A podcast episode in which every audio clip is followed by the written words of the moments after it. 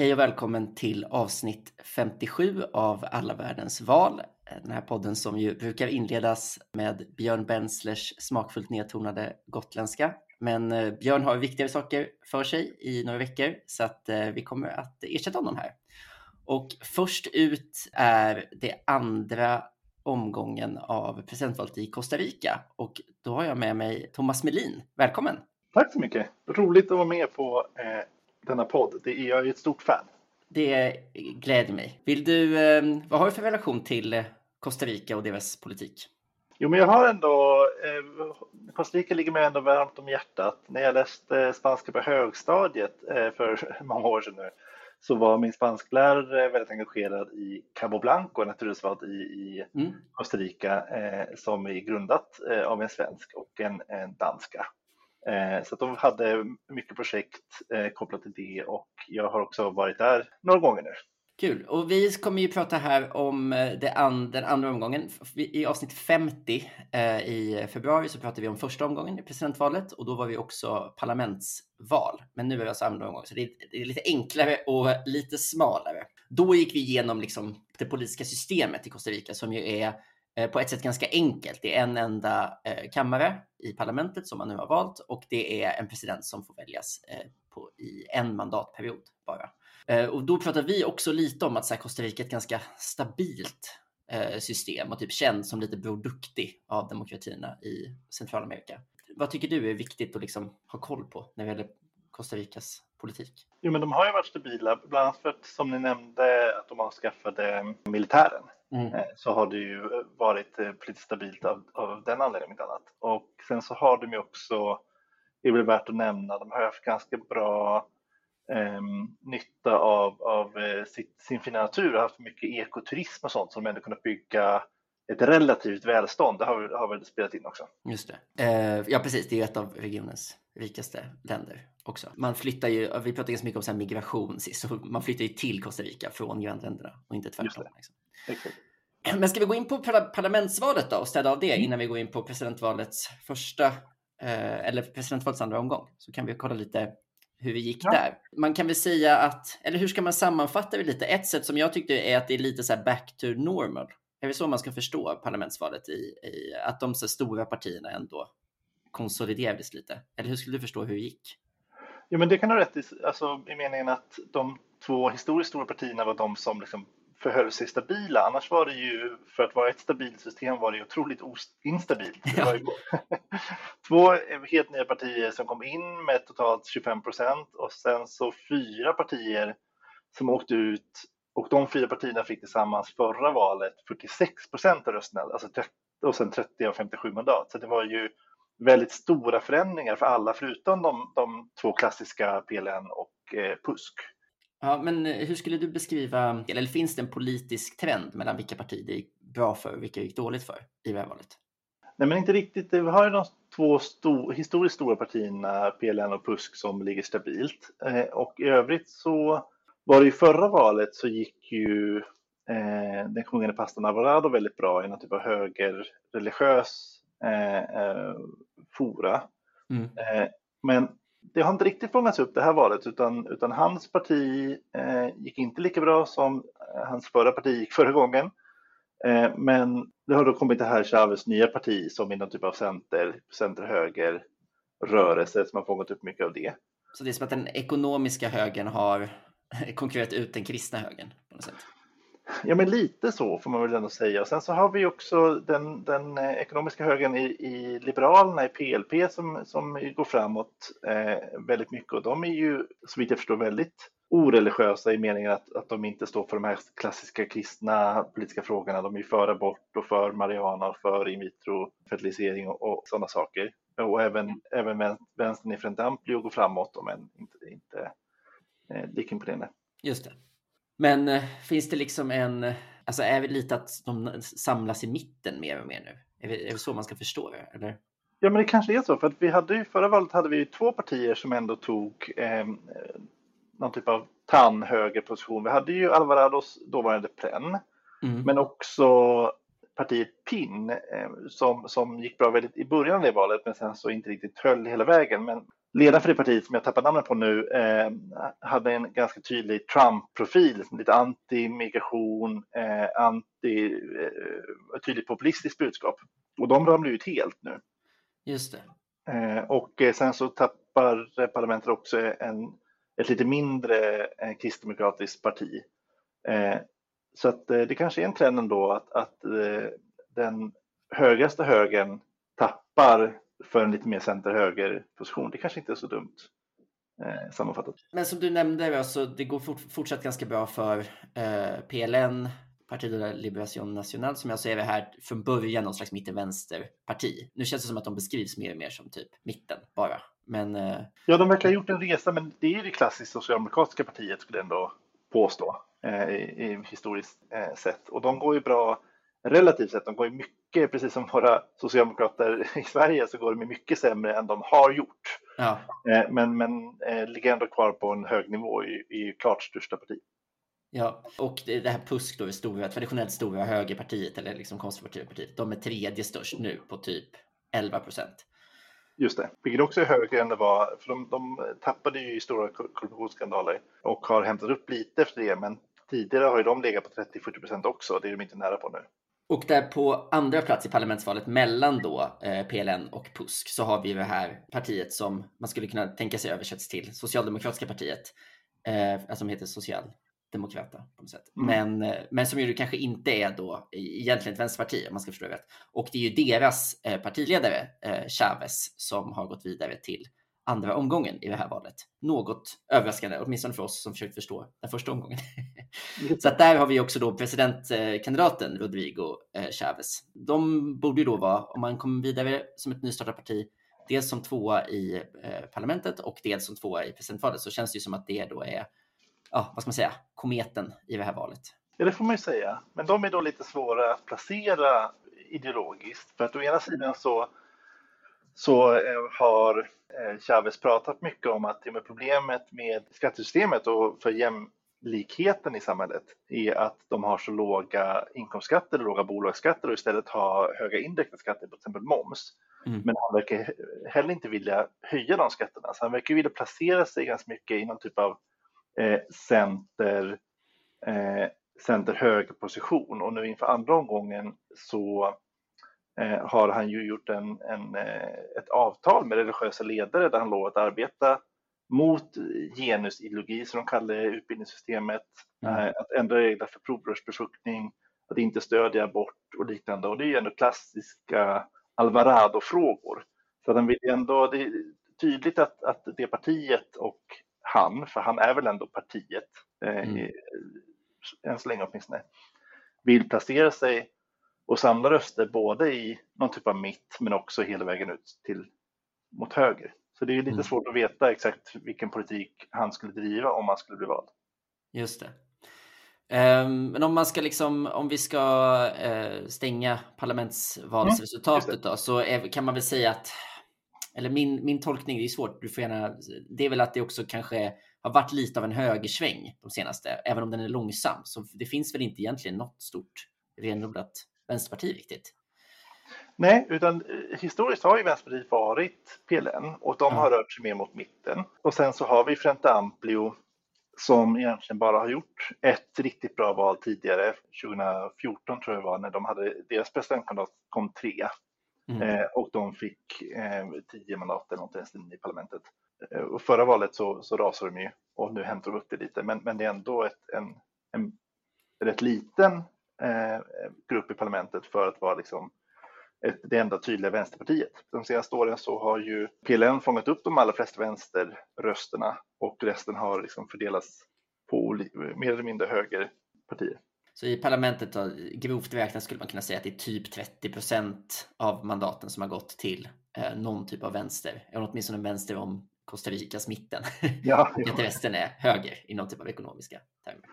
Just det, men, men å andra sidan finns det på högersidan, eh, så vitt jag förstår, åtminstone ett stor spänning då mellan om man är eh, klassisk liberal höger eller om man är mer konservativ höger. Så det är svårt att veta exakt hur parlamentet, hur majoriteterna kommer att se ut när det väl kommer till kritan i olika frågor. För det verkar ju å andra sidan finnas en, Eh, beroende på hur den nya PPSD ställer sig så eh, kan det finnas både en majoritet för en rätt konservativ sväng eller en majoritet för en rätt liberal sväng. Så det blir svårt att veta exakt hur det blir spännande att följa framöver. Just det, och det är ju också viktigt eftersom det just har varit stor, viktiga frågor, alltså om mm. typ äktenskap och provrörsbefruktning och alltså, genusideologi. Alltså den, ja. det, det kan ju vara viktigt i deras debatt och där är det mer svårläst, ja, majoritetsförhållanden. Ja. ja, men eh, ska vi typ över på eh, presidentvalet då? Mm. Eh, I avsnittet om första omgången så gissade vi att José Maria Figueres skulle gå vidare och mm. det gjorde han ju också. Han är ju alltså son till den här ikonen eh, Figueres den äldre som ju ty typ liksom la grunden för det demokratiska Costa Rica vi har idag i slutet på 40-talet.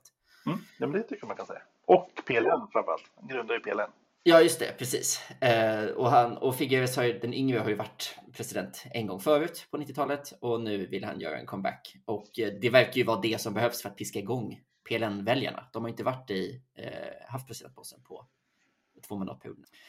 Men eh, däremot så hade vi ju fel om vem som skulle, vi trodde ju snarare att det skulle bli någon av de här mer kristna högerprofilerna som skulle mm. ta den andra platsen. Men istället blev då den här, den här Chavez. Så vi nämnde honom kort som Världsbanks ekonom, men han var ju mm. också, har ju också varit finansminister i den regering som avgår nu eh, under det här partiet PAC eh, som ju åkte ur parlamentet och typ fick en procent eller någonting i, i första. Ja, verkligen. Helt, helt golvade.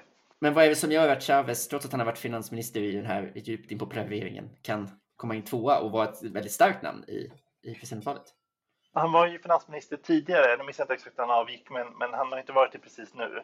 Nej, just det. Han avgick ju i någon typ av konflikt med presidenten eh, och har väl kanske just med den anledningen kunnat kampanja på en rätt, rätt stark anti-etablissemangsagenda. I en, eh, ett eh, klipp som såg från debatterna så, så pratar han om att det är samma löften som återanvänds, det är samma löften som inte aldrig uppfyllts tidigare som kommer nu från, från PLN då menar han. Eh, så att han, han eh, satsar rätt, rätt hårt på anti-etablissemang. Kanske just för att just Figueres är ju väldigt, väldigt mycket kostikanskt etablissemang. Ja, just det. Men eh, vad tror du är liksom, vad är det som gör att han funkar? Liksom? Eller vad, vad kan vi säga om Chavez? Ja, men det är en bra fråga. Han har ju, du nämnde att han jobbat på Världsbanken. Han, så vitt jag förstår så fick han ju lämna den positionen, eh, eller åtminstone blev han anklagad under tiden han jobbade där för mönster av olämpligt och oönskat beteende. Alltså han blev metoad helt enkelt utifrån Världsbanken. Eh, och så vitt jag har kunnat läsa mig till åtminstone så har ju han använt det som en del av en typ av kulturkrig eller vad man ska kalla det, det vill säga har, har sagt att det han gjorde eh, är helt naturligt i liksom, kostarikansk eh, kultur mm. och att nu kommer eh, folk utifrån det internationella samfundet och ska, ska packa på oss värderingar som vi inte står bakom. Den typen av retorik åtminstone. Eh, och sen så har han väl också fördelen att han faktiskt inte är för mycket utanför utan också har varit finansminister och har ändå en, liksom en, en cred som eh, ekonom eh, som, som eh, väl lockar andra typer av väljare. Så det är väl någon typ av eh, kombo som till exempel Alvarado i förra valet inte hade som kanske gör att ändå en majoritet i slutändan väljer honom istället för det trygga PLM-valet. Ja, det kanske behövs att man har lite, som du säger, kanske behövs att man har lite sånt tyngd om man ska gå upp mot etablissemangets tydligaste kandidat.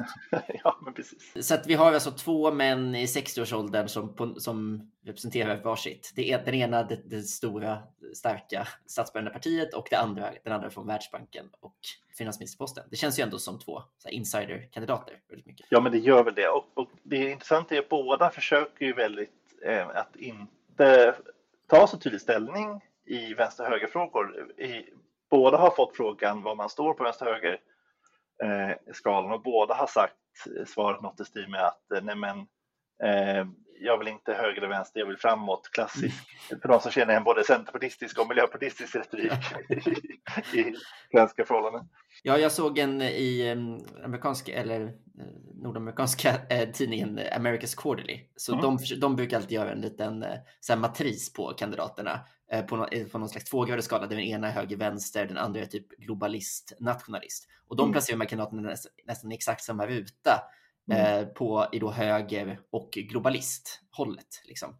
Så att man typ en, en, ändå en utåtriktad frihandelsvänlig eh, höger. Liksom. Men där man eh, placerar eh, Chavez lite, lite längre till höger än Figueres, men ändå båda i det, det högra hörnet. Just det. Och intressant, som är kanske specifikt för Costa Rica, är att båda trycker väldigt mycket liksom, på den gröna omställningen. För det är ju väldigt, alltså, i Costa Rica så är ju eh, eh miljön Eh, något som har varit grunden för eh, välståndet som jag nämnde tidigare.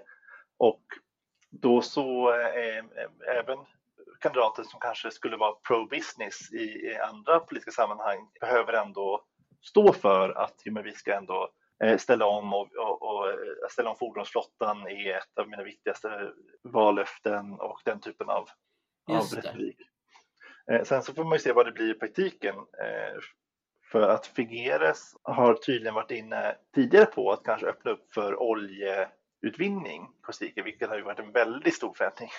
Ja. Ja. Men eh, ska tydligen ha behövt backa på det. Och eh, Chavez, som jag såg, så, så var han kanske mer sugen på att prata om vad andra länder borde göra än vad Costa Rica skulle göra framöver. Men eh, att ändå retoriken bottnar i att de måste säga att ja, men vi ska fortsätta och, och kämpa för att rädda miljön och, och ställa om är ändå, mm. ändå spännande. För att två någorlunda högerkandidater åtminstone i andra val kanske inte hade haft, eh, hade haft det som, som prioriterad retorik. Ja, det är jätteintressant. Det är ju ja, att det är liksom en del av det är en del av vad man måste säga för valbarheten. Ja, liksom. ja men typ.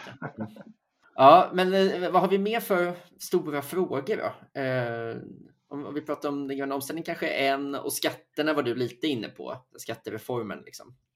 Ja, båda verkar eh, vilja göra någon typ av förändring åtminstone. Och exakt vilken förändring Chavez vill göra var lite otydligt då. För å ena sidan så, så klagar han på eh, låga inkomstskatter och låga bolagsskatter. Å andra sidan vill, verkar han inte vilja gå till val på att höja dem, eh, kanske för att tappa väljare. Och eh, Figueres vill ju göra stora satsningar på att minska fattigdom och liknande. Men exakt finansiering där eh, har jag inte riktigt förstått. Han ville sälja ut delar av en bank som är statlig, han uttryckte som att han vill sälja aktier i den banken till kostikanerna. Eh, men det måste, politiken måste ju vara samma sak som att sälja ja, delar av banken. Ja, och eh, för att på det sättet finansiera olika bra saker eh, som han tycker om.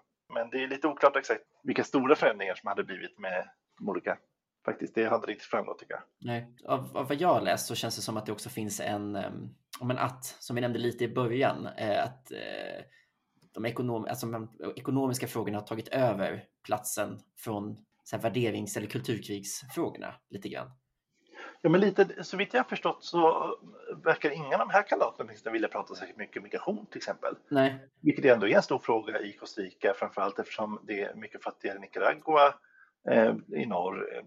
Eh, Eh, därifrån finns det en del eh, ekonomiska flyktingar. Eh, så det har ju varit stort tidigare men, men det, jag har inte kunnat se så mycket om det. Korruptionen är ju en fråga. Det var ju det som PAC, det parti som, som hade presidentposten de senaste två perioderna, har ju vunnit de valen ganska mycket på antikorruptionsagenda.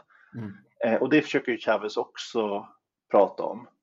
och Eh, säkert Figueres också, men möjligtvis med lite mindre trovärdighet. Så att eh, Chavez försöker ju bli vald på att minska korruptionen eh, och har pratat gentemot Figueres om att ja, men det här är ju, vi ska inte ha samma kompisar vid makten som vi har haft tidigare och sånt där. En, för att anspela väldigt tydligt på antietablissemanget.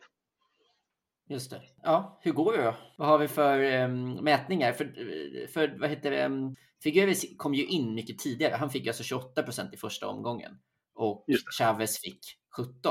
Så att det, det borde ju, alltså vid första anblick så känns det som att Figueres borde vara storfavorit, men mätningarna säger väl typ tvärtom va?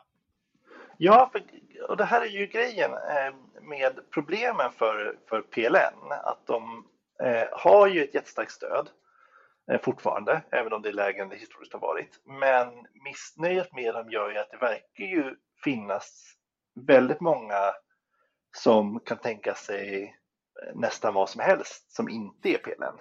Mm. Så därför så, så de vinner ju eh, valet i första omgången och får flest mandat i parlamentet. Men när det då står i en andra gång mellan PLN och något annat så är det ju spännande att se vem som då föredrar eh, av, av de som är kvar, helt enkelt om man röstar på, på eh, PLN ändå, för det är trygga alternativet, eller om man, om man satsar på Eh, en alternativ kandidat eller om man bara stannar hemma. Eh, och de senaste två eh, valen, eller framförallt förra, förra valet, där det stod mellan PAC och PLN så, så var ju PAC Solis, eh, tror jag han hette, som, som vann då, var ju tillräckligt liksom, centrist för att kunna locka några väljare som kanske annars hade föredragit eh, PLN. Och förra valet så var ju PLN inte med någon gång överhuvudtaget, men då så eh, när Alvarado, som ändå var den här ganska långt upp på högerkanten, så var det väl många då av PLN-anhängare som, som kände att men dit vill vi faktiskt inte gå, eh, utan, utan satsade vidare på PAC som redan då hade rätt dåligt förtroende i övrigt. Mm. Så nu blir ju frågan helt enkelt, uppfattas Chavez som en tillräckligt centristisk figur för att kunna locka de väljare i mitten som kanske inte gillar PLN men som inte vill att Costa Rica ska dras särskilt mycket mer högerut än vad det redan är? Eller eh, eh kommer man uppfatta Chavez som en ett osäkert kort och vilja rösta på det som man åtminstone vet, där man vet vad man får. Så att, och det, jag vet faktiskt inte riktigt, det är helt omöjligt att veta. Eh, eh, Chavez har ändå lätt i opinionsmätningarna har minskat en del. Eh, han har tydligen haft en del småskandaler i valrörelsen. Det var någonting med att han hade samlat in pengar till partiet och sina kandidater på ett, inte han, men, men det hade samlats in pengar på ett felaktigt sätt. Och den typen av nyheter kanske gör att folk ändå blir osäkra på om de vågar chansa. Och sen vet jag inte vad den här avtalet med de religiösa ledarna, om det får någon effekt, om det skrämmer bort eller om det lockar till några som kanske hade valt soffan i övrigt eller, eller hur det blir. Så det jag tycker att det är en öppen, en öppen fråga vem som vinner detta. Så lite om jag förstår ju rätt att så här, PLN har Kina. Det, det finns typ 40 procent som alltid kommer rösta på dem, känns det som. Ja, men, ja, men typ. Eh, och sen handlar det om hur, hur många av de andra som, som tycker att det är värt det att rösta på motkandidaten. Ja, men precis. Och det, det är det som ofta blir, det ser vi också i Frankrike med det här eh, systemet med att man har en andra omgång, att då blir det ofta folk får välja mellan pest eller kolera. Ja. Eh, eh, alltså om man då inte gillar någon av dem som faktiskt går vidare till andra omgången så får man välja mellan vilket tycker man ändå är minst dålig. Mm. och då kan det ändå vara så att människor tycker att det minst dåliga alternativet är att inte ha låta PLN komma tillbaka till makten. Så att säga. Ja, eh, jag såg någon mätning som du skickade där, alltså är typ 41-38 mellan ja. dem. Så det är ju väldigt... Eh, till Chavez fördel. Till Chavez fördel, ja, precis. Mm. Och 18 procent osäkra. Ja, så att det, nej, det, känns, det låter ju väldigt öppet. Om jag ska tvinga ur en gissning, vad tror du då? tror jag att eh, Figueres Olsen tar hem det till slut. Mm. Han har ju dansat på bra, det vet inte om du nämnde första gången. Det nej, värt, nej, det gjorde vi inte. Han heter Figueres Olsen, det är på Mölnet där så, så har han en dansk mamma. Ja, nej, det, det undslapp oss. nej, men eh, det kanske är så. Det känns som att, liksom, eh, att, man kniv, att han gnatar in lite grann. Han kanske går hem på rutin. Ja, det känns så. Ja, kul Thomas. Det känns som att vi fick ett fick grepp om det här till slut. Ja. Är det någonting eh, någonting vi har missat tycker du? Ja, men jag tycker vi måste nästan nämna, eh, om inte annat med anledning av, av din Estlandskoppling, så måste vi nämna det citat som jag tyckte var roligt som Chavez eh, hade, hur han, där han beskriver hur han vill ändå förändra Costa Rica. Där han mm. sa att eh, Costa Rica skulle kunna vara Centralamerika Singapore vad gäller inkomst per capita, eh, Centralamerikas Estland vad det gäller en effektiv stat och Centralamerikas Finland vad gäller utbildning. Eh, det tycker jag ändå är kul att, att Estland och Finland får vara med i, i den konstitutionella valrörelsen. Ja, verkligen. Kul och det är väl ändå en hyfsat bra beskrivning över vad som är hans prio också. Ja, alltså, jo, men det får man väl säga. Mm. Det han vill prata om åtminstone. Ja, exakt. och det värmer ett eh, estniskt hjärta också. Eh, kul! Vi, valet är ju väldigt snart. Det är den 3 april, alltså nu på söndag. Så att, eh, då eh, får vi helt enkelt se hur det går. Tack för att du var med Thomas! Tack så mycket för att jag fick med. Jätteroligt. Vad har vi härnäst? Ja, härnäst så är det val i Gambia. Eh, så vi återkommer med nästa avsnitt om det gambiska parlamentsvalet. Det ska jag lyssna på med glädje. det värmer. Du får ha det så bra Thomas. Detsamma. Hej!